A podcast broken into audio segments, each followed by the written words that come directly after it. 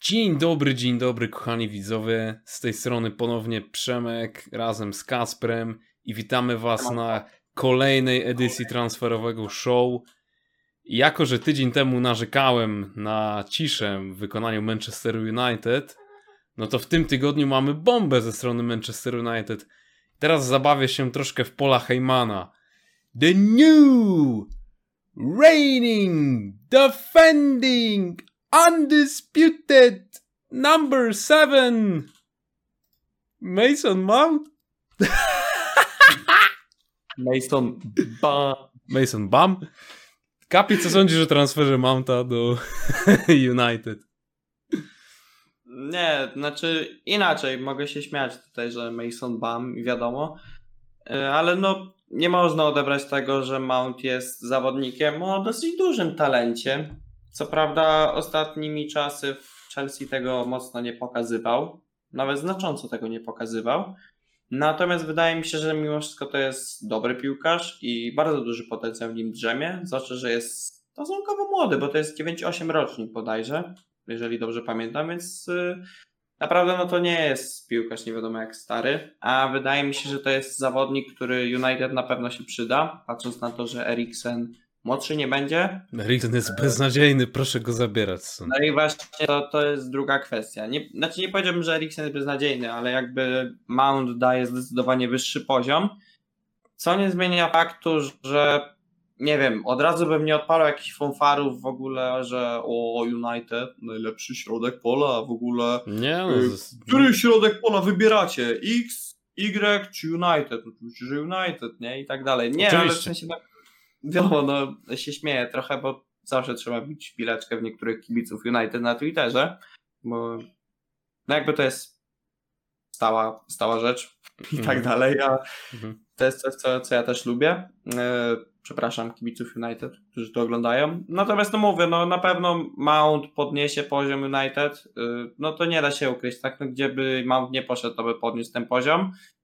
Ale mimo wszystko nie jest to zawodnik na pewno w 100%, który po prostu odpalał fajerwerki, świętował, odpalał szampana i mówił, że to jest e, wybitny, wybitny zawodnik. No nie wiem, czy się ze mną zgodzić też, bo nie wiem, czy ty tam odpalałeś od razu szampana. jak Nie, no wiesz, że no, przecież to było prześmiewcze. Jak, jakby, jakbym na serio jakoś był mega uradowany tym transferem, to ja bym tutaj nie dał ci spać przez najbliższy tydzień. A tak, tak nie było i tak nie jest.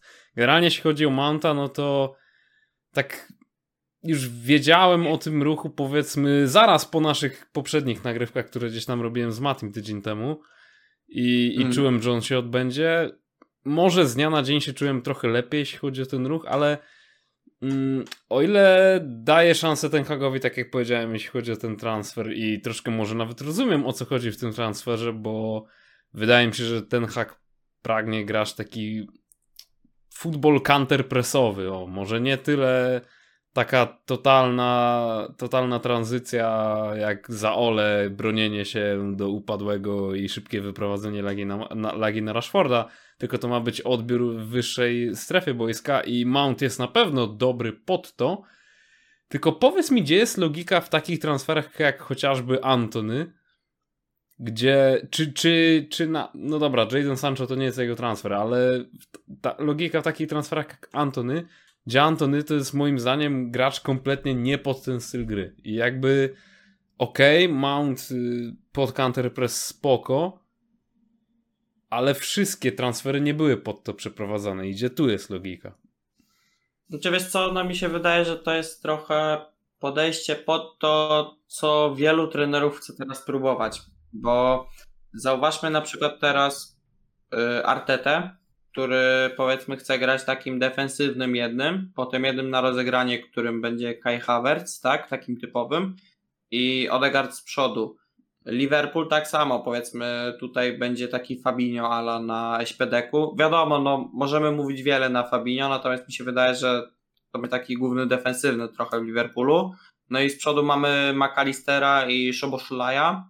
E, No i to samo chce teraz Erik Ten Hag trochę zrobić, tak? Czyli mamy Casemiro z tyłu i mi się wydaje, że zaraz obok niego Mount, tak? A z przodu Bruno Fernandes, Ja, więc... wi- ja widzę wyżej Mounta. Jeśli to będzie odwrotna hierarchia, to ten środek pola nie wypali. Gwarantuje. No to, to dzisiaj. możliwe, tak. Natomiast mi się wydaje, że to jest coś, co wielu trenerów Premier League teraz będzie próbować i do czego wielu trenerów będzie dążyć i po prostu temu, któremu najbardziej tutaj zagra ten środek pola Mhm. w tej po prostu układance, to będzie największym wygranym, tak? E, Natomiast no tutaj głównie bym upatrywał do tego sprowadzenia Masona Mounta, zwłaszcza, że no tak jak tutaj już mówiłeś, że Eriksen no chociaż jest dobrym piłkarzem, to nie spełnia tych Nie. wymogów ze względu chociażby na to, że po prostu no, no wiek nie jest ten. Nie tak? ma nóg, nie ma nóg. Środek pola to jest jedyne miejsce chyba na boisku, gdzie nawet przy umiejętnościach czysto technicznych brak nóg Mhm. yy, nie wybacza. I brak nóg w No. przypadku Eriksona nie wybacza po prostu. To prawda. No zatem mówię, no to jest głównie sens, który upatruję w tym transferze. Natomiast jeżeli chodzi tutaj, jak już nawiązywałeś do Antonego, to, to nie wiem, no inaczej, może było tak, że rok temu był sprowadzany, tak, yy, Banglao, wszystko u Erika Tenhaga i stwierdził, że o super, super gościu, współpracował z nim i tak dalej, natomiast no rok w Premier League mógł zmienić trochę podejście i no zobaczymy, jak się dostosuje do tego Antony, tak? Bo tak jak mówisz, no to możliwe, że nie będzie dostosowany do tej gry, aczkolwiek wydaje mi się, że będzie trochę zmuszony do tego, no bo patrząc na to, że on był bardzo, bardzo drogi, jak na realia United, patrząc ogólnie na jakby najdroższe transfery, tak? To no będzie musiał jakby się dostosować, bo jak nie, no to będzie mocno wypomina na to cena Antonego, co Już jest. Myślę, myślę, No. myślę, że już jest. Generalnie to, to nie jest taka cena, przy której robisz yy, przysłowiowy write-off. Kto, że tak powiem, jest w sferach, ze sfer biznesowych i tego słucha, to wie o co chodzi. United nie lubi write-offów robić, tak zwanych. A... Coś- No, coś chciałeś dodać. Znaczy ja chciałem tylko powiedzieć tyle, że jakby jeżeli chodzi o politykę transferową United, to jest tak, że oni niby nie wydają, ale nagle wchodzą, rzucają jakieś grube siano, często aż za grube i potem wielkie zdziwko, że coś nie odpada. To jest, to jest to, co ja ci też mówiłem prywatnie. Ja nigdy się nie rzucam do Glazerów o to, że oni nie dają pieniędzy. Mi chodzi o sposób dawania i niespójność w całym jakby procesie. Bo ten proces jest zawsze niespójny. To nawet jeśli ten hak by dostał 150 baniek, to, byłby szacun, bo y, wielokrotnie widzimy tak, wi- widzieliśmy przy poprzednich menedżerach takie historie, że ok, wbija nowy menedżer, dostaje potrzebne fundusze w Manchesterze United, te pieniądze są, Mhm. pomimo tego, że dostaje te fundusze, one są przepłacane na jakiś szrot, który można było wynegocjować niżej. My nie pozbywamy się dobrze naszego szrotu i menedżer robi z jakimś tam, próbuje z, z takim oszrociałym trochę składem zrobić coś, do, robi Ligę Mistrzów, Glazerzy się cieszą, bo jest top 4 i już przyszłe lato nie jest tak kolorowe. I ten menedżer To potem wchodzi w otchłań trochę. To też prawda. Yy, W ogóle nie wiem na przykład kiedy ostatnim czasem United sprzedało zawodnika po jakiejś bardzo wysokiej cenie. Romelu Lukaku. Dobra, Lukaku, no to, to jedyny chyba taki piłkarz, No. który można było określić. Natomiast no, mi się wydaje, że to jest ten sam syndrom, co jakiś dłuższy czas, w sumie cały czas trochę Arsenal trzyma, czyli to, że no, no nie potrafią trochę sprzedawać. Yy, Kolejnym targetem, oprócz Masona Mounta w Manchesterze United, który już oficjalnie tam został podpisany, no to jest Andre Onana. I to jest ciekawy transfer. To byłby pewnie łatwiejszy transfer do zrobienia, gdyby nie dyskwalifikacja tego pana, która spowodowała, że trafił on do Interu. A tak to może byłby cały czas w Ajaxie i by go Erik sobie łatwo zawinął, jak Lisandro czy, czy Antonego rok temu. Pytanie, czy tutaj dojdzie do tego dealu? Manchester United zaczyna cisnąć. Myślę, że przy, dobrej przy dobrej kasie Inter byłby w stanie y, zaakceptować na pewno taki transfer, bo nie oszukujmy się. Inter jakby sobie nie radził w finał Ligi Mistrzów, to jest jedna rzecz, ale druga jest taka, że oni od lat potrzebują pieniędzy. E, niby obecna oferta to jest 40 milionów plus 5 milionów zmiennych, które zostały ostatnio odrzucone. Też widzieliśmy informację już y, dzisiaj, troszkę później, że Manchester United szykuje nową ofertę. No, powiem szczerze, myślę, że do tego dealu powinno raczej pójść, bo jeśli United już daje 40 parę za bramkarza, to wątpię, żeby zmieniali target. pytanie, czy jest to najlepsza opcja? Nie wiem, jest to na pewno bardzo dobra opcja. Chociaż wydaje mi się, że, ten, że Diogo Costa z Porto to i tak jest chyba ta taka, która by mi się najbardziej podobała indywidualnie. Nie wiem, Kapi, co sądzisz o Onanie. No dla mnie spoko, ale przehajpowany troszkę przez ten finał Ligi Mistrzów.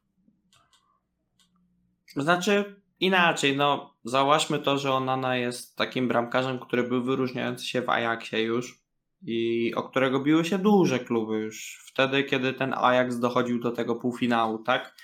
Ta dyskwalifikacja, tak jak mówisz, no trochę zahamowała tą karierę. Natomiast w tym sezonie, jak już w końcu się wybił w tym Interze, w końcu powiedzmy wszedł na ten swój poziom, no to nagle się okazało, że znowu Onana jest y, bramkarzem topowym, tak? I jednym z lepszych, który gra nogami. Natomiast ja się zastanawiam, dlaczego United nie pójdzie po raje? Jakby biją się o Onanę za tak duże pieniądze, kiedy mają raje na wyciągnięcie za 40 milionów. Jakby ja rozumiem, no, że Onana powie... Oj, powiem jest... ci, powiem ci, to nie jest jakaś mega duża. Czy, czy Tottenham czasem to nie było 40, to było 40 milionów euro czy funtów, które domagali się w Brentford? Bo jeśli by to no było i... 40 milionów funtów, to ja też jestem za dopłaceniem do Onany. Wiesz co, mm, szczerze powiedziawszy, nie, nie odpowiem ci teraz, czy to było funtów, czy euro. Natomiast y, no zgadywałbym, że funtów, jeżeli to jest y, brytyjski rynek, tak? Natomiast inaczej, no. To jest cena że... do zbicia, zacznijmy od tego. To nie jest cena do tak, podbicia, to jest cena do zbicia w przypadku Real. Zauważmy to, że Onana mi się wydaje, że to jest minimum 60 milionów w, w aktualnych realiach. Ja myślę, że nie. Ja myślę, że tak. Jakby, jeżeli oni odrzucili teraz te 40 yy, milionów plus bonusy, tak? Mhm. Dobrze, mhm. dobrze pamiętam. No, tak, tak, no to tak. to. I teraz ta druga oferta, która jest na 50 milionów podajże plus bonusy, yy, a tutaj dyrektor Interu zapowiedział wprost, że on chce co najmniej te 60 milionów. Więc nie wiem, czy ja bym naprawdę nie próbował w Raje, zwłaszcza, że Rajes znaczy inaczej, no dobra, sprawdzony w Premier League, no, mówimy o bramkarzu, to trochę, trochę inne, inny kaliber i tak dalej. Mm-hmm. Natomiast mi się wydaje, że patrząc na to, jak gra Dawid De Gea, a jak y, tutaj operuje nogami Onana, to, no to jest niebo a ziemia.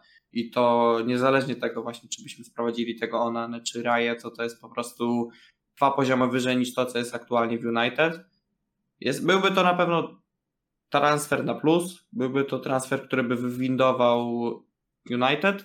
Natomiast no mówię, no nie wiem, czy bym nie próbował na przykład takiego raje, mniej pieniędzy trochę zainwestować i powiedzmy spróbować y, resztę, która zostanie, po prostu jakoś inaczej rozdysponować po innych pozycjach, które też potrzebne są w United. No zdecydowanie, ja już to już mówiłem Matemu, że w, nie pamiętam czy na nagraniu, ale na pewno jak bezpośrednio rozmawialiśmy, że w momencie, gdy ta sprzedaż y, klubu przez Glazerów tak się przyciągała, to ja już wiedziałem, że jakby no to nie będzie super okienko, to jestem to w stanie zaakceptować. Co, do, co chodzi, jeszcze tak dodając do kwestii Onany, to Czekam na wyciągnięcie jednej karty przetargowej w tych negocjacjach, mianowicie takiej, że Inter dalej nam wisi hajs za Lukaku. I tutaj to może być jakimś tam kluczowym aspektem negocjacyjnym. Co z tego wyjdzie, to nie wiem. No, jeśli ten chce Onanę, no to spoko. Dla mnie uważam, że dobry, dobry bramkarz, spoko bramkarz, ale no jakoś się tym też mega nie jaram. Chociaż wiem, że on powinien być bardziej kluczowy do zmiany gry niż aniżeli Mason Mount, więc z dwojga mm. złego, no to ten transfer dla mnie lepiej. E, a teraz może troszkę ciebie podkręcimy, bo o ile z. Znaczy, ja bym jeszcze w sumie, jeszcze jedno pytanie takie, czy mm. jakbym mógł tobie zadać w sumie tak dodatkowo, Pewnie. bo jak już jesteśmy przy United, to żeby tylko jedno pytanie zadać. E, czy uważasz, że tutaj Hojlund to by był zawodnik, który podniesie ofensywę e, United? Bo to jest jedyny napastnik chyba, o którym się najmocniej rozmawia, jeżeli chodzi o United.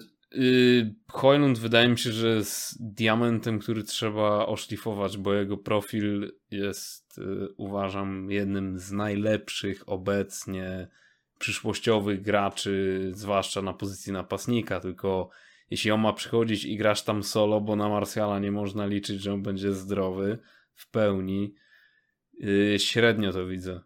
Średnio to widzę. W sensie ja mhm. uważam, że to, ja uważam, że to będzie fantastyczny napastnik. Bardzo mi się podoba no. jego profil. Ale boję się gdzieś tam o niego, jeśli miałby przy, przyjść i, i z miejsca grać non-stop w 11. Okay. Czyli to był transfer, który by Ci się podobał, aczkolwiek. W sensie, ja bardzo się cieszył, bo mi się podoba Hojlund, ale ktoś jeszcze musiałby przyjść. Mm.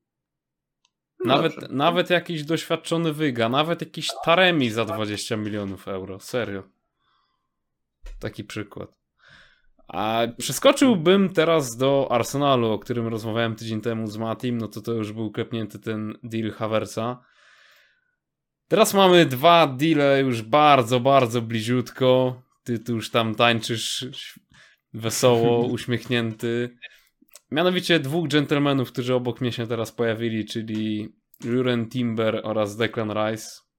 Oboje mają mieć testy medyczne, dobrze kojarzę, w ten weekend już? W piątek, czyli jutro w sumie. Czyli jak widzicie to wideo. No, tak. także Arsenal leci grubo i tak jak już mówiłem tydzień temu, że te deale są blisko, no to można powiedzieć, że teraz już są bardzo, bardzo blisko. Yy, który z tych deali, trzech, włączając to Haversa, to jest game changer dla Arsenalu? Mm, znaczy, zaczynając w ogóle tutaj rozmowę, to muszę powiedzieć, że od ładnych paru dni tylko na głośnikach leci Timber od Pitbulla i Rice Rice Baby. to jest coś, co myślę każdy kibic Arsenalu po prostu ostatnimi dniami słucha. Natomiast no, no nie, nie da się ukryć tego, że game changerem największym będzie transfer Rice'a, mm, czyli tak naprawdę najdroższy Anglik w historii. Przebijamy tutaj transfer Grealisha do Manchesteru City. No i to jest taki zawodnik, który pierwszy raz od dawien dawna to jest po prostu zawodnik, którego stopu Arsenal wyciąga i to jest zawodnik, o którego powiedzmy ubiegały się największe kluby i o zgrozu Arsenal wygrał to, więc jakby to jest po prostu pokazanie tego, że naprawdę Arsenal aktualnie to nie jest taki klub, który, który może przejść obojętnie, bo naprawdę no, no rozwinął się ten Arsenal w ostatnich latach i to po tym jakby po poprzednim sezonie, który naprawdę był udany, pokazują to, że oni nie składają broni po prostu i naprawdę chcą się wzmocnić w ten sposób, żeby rzucić rękawice Manchesterowi City, bo zarówno transfer y, tutaj Rice'a, jak i Timbera, no bo no nie oszukujmy się, Timber to jest też zawodnik bardzo wyróżniający się, jeżeli chodzi o Eredivisie i ogólnie o taki rynek środkowych obrońców, bo naprawdę no to jest zawodnik, który może grać na środku obrony, na prawej obronie, na środkowej pomocy defensywnej, więc no naprawdę tu jest multum, multum różnych możliwości. Więc no widać tą zmianę w Arsenalu, widać to jak bardzo mocno są nastawieni na to, żeby tą rękawicę naprawdę rzucić City. Aczkolwiek, no tak jak mówiłem, no to tutaj Rice jest tym transferem, który jest najważniejszy, który Arteta mocno zabiegał. Tak naprawdę zabiegał już od stycznia, lutego. Jeździł do tego Rice'a, błagał go, męczył go, no ale tak męczył, że aż go zamęczył, że po Męczył go. Nie chce nigdzie indziej iść niż tylko do Arsenalu, więc cóż, no. Ale ja trzeba się... Powie, powiem ci szczerze, jak były ploty o rajsie do City, no to tak. jakby ja byłem przekonany tego, że jeśli City wyprzedzi w tym wyścigu Arsenal, no to na zasadzie takiej, że nie wiem, Arsenal nie będzie chciał dołożyć tyle co City, no to Rice nie będzie miał nic przeciwko, ale w sytuacji, gdy oba kluby będą równe, sobie powiedzmy, jeśli miałyby ten sam beat, to osobiście myślałem, że Rice wybierze Arsenal, a nawet do tej sytuacji nie doszło, także tym lepiej chyba. A... No tak. No ja, te, ja, też nie ma, ja też nie mam co za dużo do mówienia o Rajsie, no bo już gadałem tydzień temu, więc tutaj nie, nie, nie będę się jakoś wyróżniał w tym temacie. Nie wiem, co ty jeszcze byś chciał dodać. Yy, jedynie to, że wiesz, że jakby Rice idący do City może być jednym trybikiem z wielu, który którzy są w Manchester City i powiedzmy, no okej, okay, no mógłby grać, ale no byłby po prostu jeden z wielu, a w Arsenalu może być jednym z takich najbardziej wyróżniających się i jakby zostać takim, taką twarzą mocną, tak, no, no jednym z takich takich gwiazd, tak, i mieć pewny pierwszy skład, no to no jest trochę to, to inaczej, tak, wywaluowane, więc y, no też może to zaważyło na tym, że Rice po prostu stwierdził, znaczy no wiadomo, no zaważyło to, że Arsenal złożył najlepszą ofertę dla West Hamu, natomiast no mówię, to, że po prostu Rice był tak skupiony na Arsenal, to może to też złożyło. No i to, że Arteta w przyszłości widzi po prostu Rice'a jako takiego jednego z liderów, tak, no myślę, że w przyszłym sezonie prawdopodobnie Rice będzie jednym z wicekapitanów nawet Arsenalu, bo nie zdziwiłbym się tego. Zwłaszcza, że tak jak mówię, Arteta tutaj obiecał Rice'owi w przyszłości zostanie kapitanem naszego ukochanego Arsenalu, w sensie jego. Nie, nie, nie. To z tym ukochanym Arsenalem to żeś przegiął. E, Okej. Okay Kwestia jest dla mnie, ja nadal nie jestem przekonany, czy Rice jest wystarczająco dobry, ale to już tam zobaczymy. Chciałem jeszcze z tobą o exitach porozmawiać. Mhm. Mianowicie partii, który jest blisko i Szaka, który, o którym już mamy oficjalne potwierdzenie, ee, że przychodzi do Bayeru Leverkusen. Swoją drogą udało się z tego zrobić 25 milionów euro, gdzie to miało być 15, ale ja i tak żyję w takim przeświadczeniu, że mm, jakby exit Parteja byłby lepszy niż exit Shaki, bo więcej by hajsu się odzyskało i wydaje mi się, że jakby pozycja Shaki jest... Znaczy, Arsenal dalej dla mnie potrzebuje, jeśli oboje by odeszli jakiegoś po pomocnika na skroś defensywnego, tylko, że ja nie jestem na przykład przekonany co do tego, że Havertz wejdzie w buty Szaki z rozpędu. O ile on jest ósemką, to no, nie grał trochę tam. I nie, nie, jestem tego przekonany w pełni, a Szaka, nie, nie oszukujmy się, wydaje mi się, że pod koniec, zwłaszcza tej kadencji, yy, kadencji, tego poprzedniego sezonu Arsenalu w Premier League. Zwalniasz Artetę. Nie, chciałem powiedzieć, użyłem tego słowa po prostu, nie chciałem zwalniać Mikela Artety, ale był ważniejszą częścią tego trybika. Znaczy, inaczej, no. Jak Arsenal zaczął w tym sezonie no, grać, to było też widać mocno to, jak granit Szaka jest yy, niezbędny dla tego zespołu i po prostu dla tego systemu gry, bo naprawdę jak Szaki nie było, no to było widać dużą różnicę między Arsenalem z Szaką, a bez Szaki. Nawet jeżeli Szaka był takim zawodnikiem, który powiedzmy stracił formę, to cały czas był zawodnikiem, który był niezbędny w tej taktyce, tak? E, co by nie mówić na Szakę, można było wiele złego na niego powiedzieć w jego przygodzie w Arsenalu, natomiast no mimo wszystko w głębi serca myślę, że każdy czuł jakąś, jakąkolwiek sympatię dla Szaki, bo to był od przyjścia tak naprawdę duży lider i od przyjścia był takim zawodnikiem, który no, domowił się w tym środku pola, tak? I myślę, że. Ja nie... się trochę nie zgodzę z tą dużą sympatią. Pamiętam, jak rzucał kapitańską opaską o ziemię i już był na widłach wynoszony.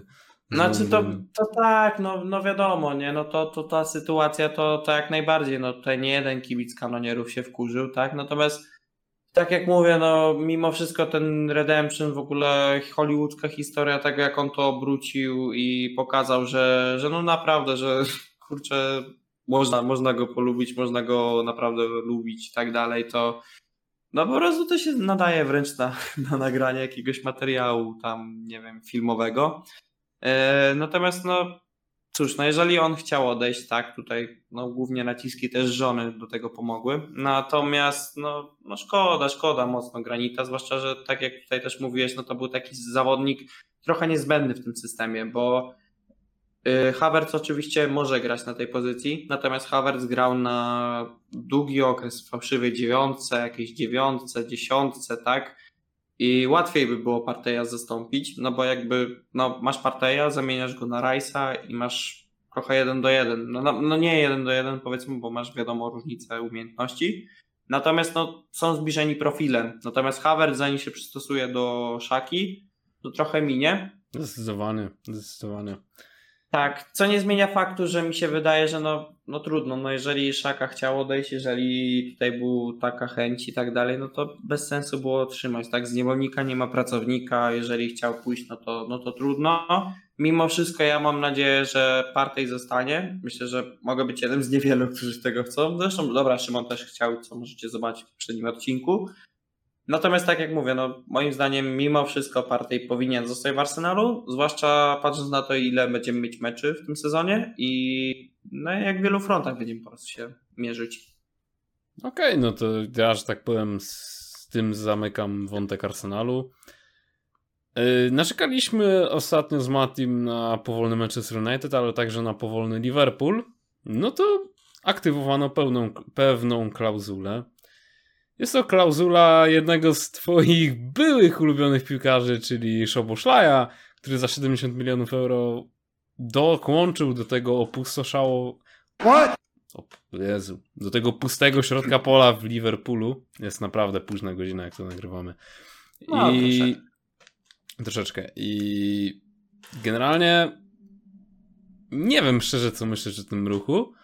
Trochę taki bym powiedział ruch e, z jednej strony ekscytujący, z drugiej strony jeśli to jest coś, na co stać Liverpool, to jeśli to jest ten max, na który stać Liverpool, no to to nie powiedziałbym, że będą tacy super, jak wiele osób widzi w przyszłym sezonie. Znaczy inaczej, Dominik Szoboszlaj na pewno ma gigantyczny talent. Na pewno jest jednym z zawodników, którzy mocno wyróżniają się, jeżeli chodzi o tutaj y, europejskie.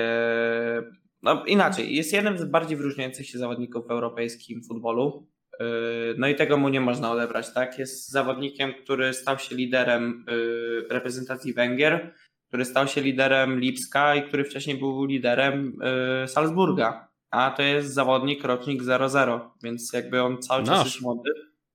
Tak, dokładnie. Nasz rocznik. Siedzimy tu wieczorami, sobie nagrywamy jakieś popierdółki. Tak, i y, co by nie mówić, ja cały czas jestem dużym fanem Dominika. I no, chociaż poszedł do Liverpoolu, też mocno mu kibicuję, no bo naprawdę, bo to jest zawodnik o bardzo, bardzo gigantycznych po prostu umiejętnościach, który może być na jeszcze lepszym poziomie. Tylko mam nadzieję, że Klopp go nie zniszczy. Dlaczego? Ponieważ y, Szoboszlaj jest tą samą pozycją, którą był Fabio Carvalho, który też był dużym talentem w Fulham, tylko Klopp nie grał na typową dziesiątkę po prostu. I ja się boję, że powiedzmy Klopp, który aktualnie, no widać trochę, że zmienia to podejście taktyczne i mm.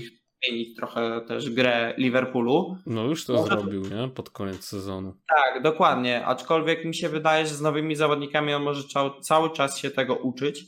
W związku z czym trochę Szoboszlaj może na tym tracić jakby. I nie wiem, boję się, że Klopp w pewnym momencie straci po prostu cierpliwość i stwierdzi, że będzie grał kimś innym na tej pozycji, nie? I po prostu zmieni trochę środek pola, bo stwierdzi, że nie ma wyników, coś tam nie bangla, no to, no to to zmienia. Co prawda wiadomo, Klopp upiera się często przy swojej taktyce, natomiast y, jeżeli coś nie będzie grało, tak jak w tym sezonie i w końcu się wziął, znaczy odpuścił i stwierdził, dobra, zmienię to, i tak samo boję się, że będzie w przyszłym sezonie. Tak jak mówiłeś, y, nie wiadomo, czy to od razu w ogóle można dawać, że tutaj Liverpool, środek pola najlepszy, mm -hmm. znowu mm -hmm. mega, w ogóle nie zatrzymacie ich. Natomiast na pewno Dominik to jest gigantyczny talent i to jest po prostu talent, który Jurgen Klopp musi wykorzystać. Jak wykorzysta, to myślę, że będą bardzo, bardzo duże owoce dla Liverpoolu do zebrania. No cóż, e, mnie tak też bardziej ciekawi kwestia co dalej, nie? No bo widzimy, widzieliśmy duże linki z Lawią i tam nie, nie pamiętam już, czy wyszła pierwsza oferta Liverpoolu. Chyba tak. Co prawda nie pochodziło to z jakichś najlepszych źródeł, ale z takich źródeł liverpoolskich typowo, więc gdzieś tam w to wierzę. Mm, tak jak mówiłeś, Boszlaj mogą być z niego owoce. Ja tutaj będę śledził to dość z dużym zainteresowaniem. Tylko mówię, ciekawe co wyjdzie z tego dalej, bo to, to nie może być koniec, jeśli chodzi o, o deal w środku pola w Liverpoolu. Tam dalej potrzebna jest jeszcze jedna postać. My pamiętajmy o tym, że środek obrony Liverpoolu to jest przecież też bolączka, jakby nie patrzeć. Virgil van Dijk nie będzie młodszy. Yy, no, nie da się ukryć, tak? Konate... Zwłaszcza, zwłaszcza, sorry, ci przerwę w tym nowym systemie, bo ja na przykład nie uważam, że Cymikas w tym systemie, gdzie lewy obrońca, tak jak gra Robo tego półśrodkowego, że Cimikas jest w stanie być jego backupem już na tej pozycji. Więc potrzebny no. jest dodatkowy środkowy obrońca. Dokładnie. A masz Konatę, który jest dużym talentem i okej, okay, on może, może się dostosować, tak? No Virgil, który młodszy nie będzie i który no, no z roku na rok no będzie gorszy, no nie oszukujmy się, tak? Masz Gomeza, który jest y, ocie panie. Y, nie wiem, kto tam jest jeszcze. Nathan Jones. Y, jakby. Matip, który lubi się łamać. O, Matip, który lubi się łamać. No jakby, I Marok, i Marok na kontrakcie, nie? Ja, no to, to... ja już to mówiłem chyba jakiś czas temu też Matiemu, że przegapili Endikę, który poszedł do Romy. To, to był odpowiedni gracz, mi się wydaje. I za darmo. W ogóle, że Endika poszedł do Romy, a żaden jakiś topowy klub Premier League się nim nie zainteresował, to jest mm. też mhm. moim zdaniem trochę kryminał, no ale no cóż. Komu wybierać? A przygotowałem sobie na sam koniec taką listę hotów z tego tygodnia, już takich oficjalnych. Bo nie będziemy się już teraz tutaj zbytnio rozgadywać, polecę tak szybko. Najpierw transfery typowo europejskie. E, pierwsza bomba to jest Marcelo Brozowicz, o którym się mówiło, że miał pójść do Barcelony. Poszedł do Arabii Saudyjskiej za 18 milionów euro. Okej. Okay. E, BVB, które niby zastępuje Bellingama Felixem Mechą za 30 milionów euro, to jest na pewno ciekawy transfer dla fanów Bundesligi. Jest tylko jeden problem. Nie należymy do nich, więc się za dużo tutaj nie wypowiemy. E, Benfica ciekawe ruchy zrobiła, przede wszystkim powrót Di Marii na stare lata. No i Orkun Koku, który wbił za 25 milionów euro, a jest to gracz, który kurczę był łączony z wieloma ekipami z Premier League. Jeśli pamiętam, na pewno United, na pewno Liverpool widziałem, jakieś takie ekipy z środka tabeli. West Ham za Rice'a też widziałem. I, I, że tak powiem, ten kierunek mnie bardzo zdziwił. No i mieliśmy też darmowe transfery, jeśli chodzi o środkowych obrońców, czyli Inigo Martinez. W końcu Barca go mogła zarejestrować. To jest też śmiekawa, która się ciągnie od stycznia. I, I Skriniar oficjalnie w PSG, o tym też widzieliśmy od stycznia. I taka bomba z dzisiaj w sumie jak to nagrywamy, dla mnie to jest bomba, bo uważam, że to jest mega talent, czyli no Arda Guler za 20 milionów w Realu Madryt. Uuu, jaki to jest boler. Kibice tego Barcelony i tak powiedzą, że oni nigdy go nie chcieli. Nigdy, nigdy. Arda jest słaby. Y, to wcale nie było 20 milionów, bo tam było 50, bo jeszcze 15 jego stary dostał i tak dalej. Dokładnie, dokładnie. A w Anglii mieliśmy też parę takich transferów e, wewnętrznych i zewnętrznych. Na przykład Firmino, który znalazł sobie w końcu nowy klub. Jest to Al Ali, też Arabia Saudyjska. Dołącza do tego grona półemerytów i niby manę mu tam chcą ściągnąć. E, Bart Verbruggen, oficjalny transfer do Brighton, nowy bramkarz za 20 milionów euro. No to myślę będzie ciekawy ruch, bo tam widzieliśmy już dużą konkurencję między Sanchezem, który jest chyba w ogóle na wylocie, patrząc na to, jak się pokłócił z Zerbim i, i Jasonem Steelem. Ciekawym, jak to tam wygra tą rywalizację w sumie. Pewnie nowy bramkarz, patrząc na to, że mają już ich dwóch i wyłożyli jeszcze na goście 20 milionów. Cezar Aspilicueta dołączył do Atletico dzisiaj oficjalnie. Mm, Daniel Farke z takich ruchów trenerskich którego pozdrawiamy i któremu życzymy jak najlepiej, bo bardzo sympatyczny gość moim zdaniem. Wbija do Leeds i spróbuje ich przywrócić do Premier League w przyszłym sezonie, co niekoniecznie musi być łatwym wyzwaniem, ale bardzo wykonalnym moim zdaniem. I taki ruch, którego najmniej rozumiem, w sensie nie wiem o co chodzi z tym gościem.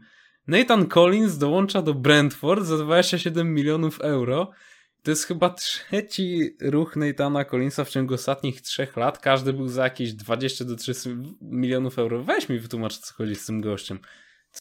I, taki ruch, którego najmniej rozumiem, w sensie nie wiem o co chodzi z tym gościem. Nathan Collins dołącza do Brentford za 27 milionów euro. To jest chyba trzeci ruch Nathana Collinsa w ciągu ostatnich trzech lat. Każdy był za jakieś 20 do 30 milionów euro. Weź mi wytłumacz, co chodzi z tym gościem. Zwala mnie to trochę mocno, jakby. Inaczej, wiadomo, no, jest utalentowanym obrońcą. Znaczy, on nie jest złym obrońcą, tylko to tak, taki dziwny. Tylko nie wiem, czy takim obrońcą, na którego w ciągu trzech lat wydałbyś 70 e, milionów, powiedzmy. Nie. Bo Wilki wydały na niego ponad 20, Brentford teraz wydało na niego 20 i Bernie też wydało chyba na niego jakoś 20. Bernie wydało chyba 17 w sumie, ale wiem, że i no dobra, Wilki no to... i, i ci wydali tam po, po 20, ponad 25 chyba. No to jakby nie, nie wiem o co chodzi po prostu tutaj z Nathanem Collinsem. Ta przygoda z Wolverhampton nie była jakaś porywająca. Okej, okay, on może na początku jakoś tak się pokazywał, ewentualnie w jakichś późniejszych meczach. Natomiast ja kojarzę go tylko z tego, jak on czerwoną kartkę z Manchesterem City dostał, tak? I oprócz tego jakieś kurczę bobole, no nie wiem, no nie podniósł tej defensywy, no Dawsona musieli sprowadzać z tak. tego z West Hamu, żeby starego stary, stary Craig fucking Dawson i myślę, że Dokładnie. myślę, że no. na tej anegdotce będziemy zmierzać już do końca. Także dzięki Ci, Kapi, za udział. Dzięki Wam wszystkim za. Dzięki Wam wszystkim za odsłuch tego wideo. Jeśli Wam się podobało, no to pamiętajcie oczywiście o lajkach, o subskrypcji tego kanału, by być na bieżąco z naszymi materiałami. E, klikacie również dzwoneczek, żeby dostawać powiadomienia, jak takowe się pojawią.